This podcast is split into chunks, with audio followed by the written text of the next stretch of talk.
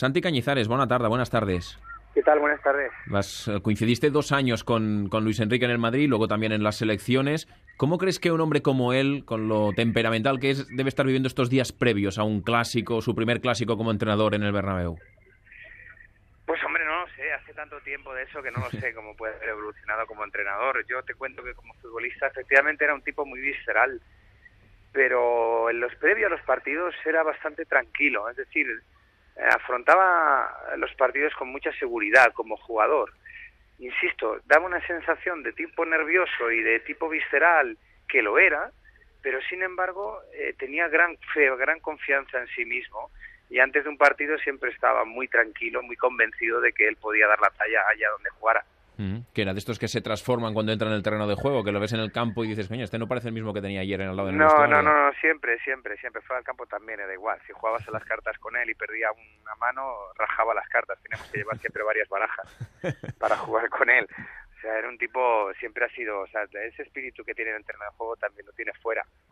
Es ese tipo de jugadores que mm, igual te me molestas, pero yo te pongo en el mismo saco, entre comillas, pero también Hugo Sánchez, también Stochkov, que si están en tu equipo los quieres con locura, pero si juegan contra ti casi casi que les odias. Sí, los 90 minutos sí. O sea, yo, yo, he sido, yo soy muy amigo de Luis Enrique, he sido muy amigo de Luis Enrique en la, mi etapa como jugador porque hemos congeniado muy bien porque somos, hemos sido compañeros muchos años, hemos coincidido en lugares de vacaciones, y cuando el gol Barça me hacía un gol en el Camp Nou y a lo mejor iba el Valencia por delante, nos pegábamos ahí para porque yo no soltaba la pelota para, para, para, para sacar el centro antes del Barcelona y yo quería perder tiempo porque íbamos ganando el partido o viceversa. Pero hemos sabido siempre diferenciar muy bien qué es eh, esos 90 minutos de juego y, y qué hay antes y después del partido. Y antes y después del partido hay una admiración, normalmente hay admiración entre, entre todos los jugadores, entre la mayoría de los jugadores que interpretan bien estas cosas, y porque dices, es que este es el espíritu que me gusta, es que yo haría lo mismo por mi camiseta, ¿no? Y él además lo demostró en todos los equipos donde jugó. Allá donde le dieron más cariño, más comprensión, más confianza, pues está más agradecido, pero defendió todas las camisetas con el mismo ímpetu, ¿no? Y, y en ese sentido, pues, pues eh, si yo me consideras que he sido parecido igual, pues me alegro, porque, porque eso es lo que pretendía, ¿no? Santi, tú coincidiste con él dos años en el Real Madrid y, son los dos años de, su etapa final, ¿no? 94-95 muy buena para él, pero 95-96, no, no, sé si decir un calvario porque seguramente es exagerado, pero, pero su relación con el madridismo, con el Bernabéu no fue buena. ¿Qué pasó? Yo creo que fue un año muy difícil para todos. 94-95 fue una buena temporada, ganamos la liga. La temporada siguiente fue muy dura, fue durísima. El equipo empezó mal, el equipo perdió muchos partidos y obviamente pues el público estaba enfadado con Luis Enrique y con todos los jugadores. En ese impasse Luis Enrique acababa contrato. Eh, él obviamente, eh, bueno, pues como es normal, su representante negocia con el Real Madrid. El Real Madrid está a la espera de que venga un nuevo técnico para afrontar la siguiente temporada y de alguna forma pues no muestra ese interés que debería haber mostrado y él lógicamente pues pues el Barcelona está mucho más listo que el Real Madrid en ese sentido y le contrata y él que insisto los jugadores pues cuando van a acabar su contrato esperan que el club les valore inmediatamente pues se sienten a negociar y les hagan una ampliación de contrato para estar tranquilo y desarrollar su profesión tranquilamente y cuando esto no sucede y hay otros equipos que te están llamando continuamente a la puerta, pues llega un momento que te hartas y dices, oye, a mí me da la sensación de que me quieren más allí que aquí, así es que me voy allí, porque no voy a estar en un sitio, o sea, no voy a renunciar a un sitio que es un gran equipo como es el Fútbol Club Barcelona, eh, que me está llamando todos los días y que está muy interesado en contratarme, o sea, no voy a esperar al Real Madrid a que venga un técnico y tome decisiones y qué sé yo las decisiones que va a tomar. La decisión del Barcelona ya la tengo muy clara y como es tan clara y es tan concisa, pues me marcho y ya está. Mm. Eh, luego hizo su carrera en el Barcelona, logró una identificación con la afición espectacular, se siente un catalán más y a gente aquí también le, considera uno, de los suyos. Cuando se hizo entrenador todo el mundo tenía claro que algún día podía entrenar al Barcelona. ¿Por qué, por qué eh, cuajó más en el Barça que en el Madrid? Cuestión de confianza, básicamente. En el Real Madrid no la tuvo, el Real Madrid además jugó muchas veces como, como, como, como lateral, incluso como centrocampista, y a él le gustaba jugar como delantero. Y en el Barcelona jugó como delantero, fue más feliz, estuvo más contento. Tuvo más confianza y se identificó más con ese proyecto.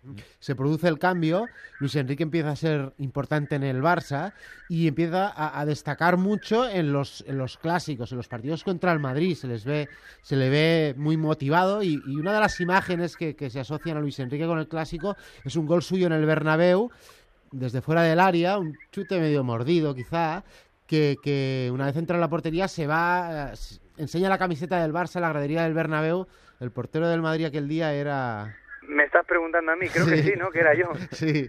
Sí, ya recuerda que el gol le pegó rarísimo, la pelota fue como de arriba abajo, ¿no? Y, bueno, eh, él ha demostrado siempre en todos los estadios donde ha jugado y en todos los equipos donde ha jugado que juega con pasión. Y la pasión significa eh, rabia cuando te hacen un gol y alegría cuando haces uno. Y eso ya, pues cada uno obviamente lo interpreta de alguna forma, ¿no? Y, Luis Enrique ha jugado con pasión siempre y a mí me encantan ese tipo de jugadores, ¿no? Y ya sé que el gol me lo hizo a mí y que luego también le he parado alguna y, en mi cara me, me, ha gritado, me ha dicho, joder, cañete. Pues sí, bueno, es, es, es, es, la pasión por el fútbol. A mí son los jugadores que me gustan, los que eh, tienen un compromiso grande con su camiseta, los que dejan huella su paso por los clubes y los que efectivamente en algún momento pues los, los rivales le odian. Bueno, pero asumen ese rol porque su forma de jugar al, fútbol es con esta pasión, ¿no?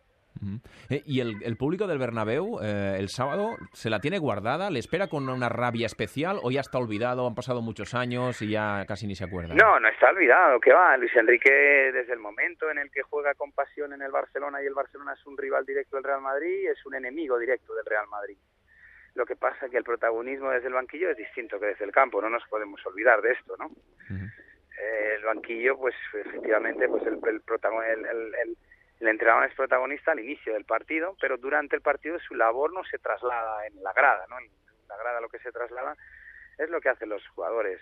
Yo creo que él está muy por encima de lo que pueda suceder en la grada y en lo que estará muy preocupado, como es lógico, pues es como eh, cómo jugar al Real Madrid para poder ganar ese partido, ¿no? que obviamente va a ser muy complicado. Mm, aprovecho para preguntarte, ¿tú cómo lo ves?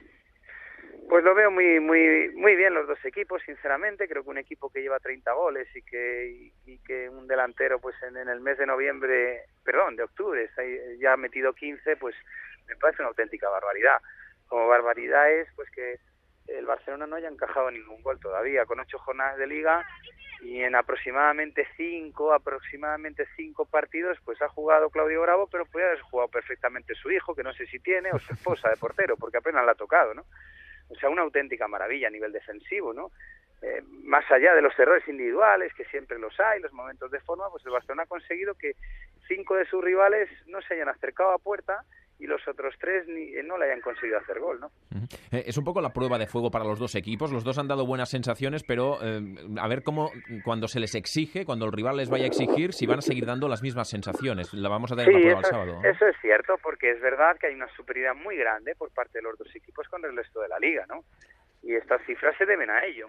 Si no se habría mucha más igualdad y no habría estas estas barbaridades, ¿no? Estos récords absolutos de Bravo, de en este caso de Cristiano eh, y está claro que ahora se miden de igual a igual y aquí lógicamente pues las cosas cambian porque porque hay muchísimo más disputa en cada pelota porque porque el rival es mucho más es mucho más rival el que tienes hoy que el que tienes habitualmente, ¿no? Es que ni siquiera en Champions están teniendo rivales ambos equipos, ¿no? Tuvo rival el Barcelona con el Paris Saint-Germain, de acuerdo, pero pero que fue una noche, ¿no? Eh, mm. Perfectamente puede venir al Camp Nou y encajar tres goles también en el Paris Saint-Germain. Mm. Es Santi Cañizares, que va a ser de Luis Enrique al vestido del, del Madrid. ¿Podrás ver el clásico? Vamos, estoy en la obligación de verlo. No tengo más remedio que verlo como aficionado y lo primero y lo segundo como comentarista de Canal Plus. Eh, no sé si te ibas a desdoblar, porque en, el fin de semana tenemos rally en Cataluña, que tú es, otra de tus pasiones, ¿no? De, hecho, hoy los tenemos por las calles de Barcelona haciendo un tramo espectacular esta tarde. Sin duda, sin duda. El, Rally Rack es, una de las cosas más bonitas que tenemos de automovilismo en este país pero es un rally del mundial, es una cosa muy seria. Yo me, para mí hay otro tipo de eventos mucho más tranquilitos que ese. Ahí, ahí hay que saber manejar muy bien la, situación y son tres días de rally, es absolutamente un espectáculo, rally de asfalto, rally de tierra, pero es un rally muy serio, muy serio, demasiado para mí.